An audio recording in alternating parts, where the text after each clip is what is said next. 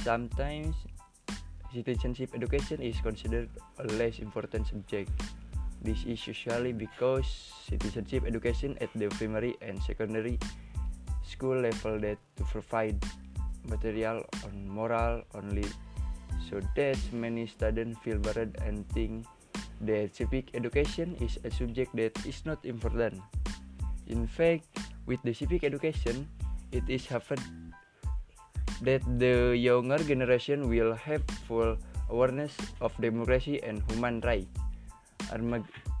With this awareness, they will make a meaningful contribution in overcoming various problems faced by the nation, such as conflict and violence that assure Indonesian society in perfect and intelligent ways.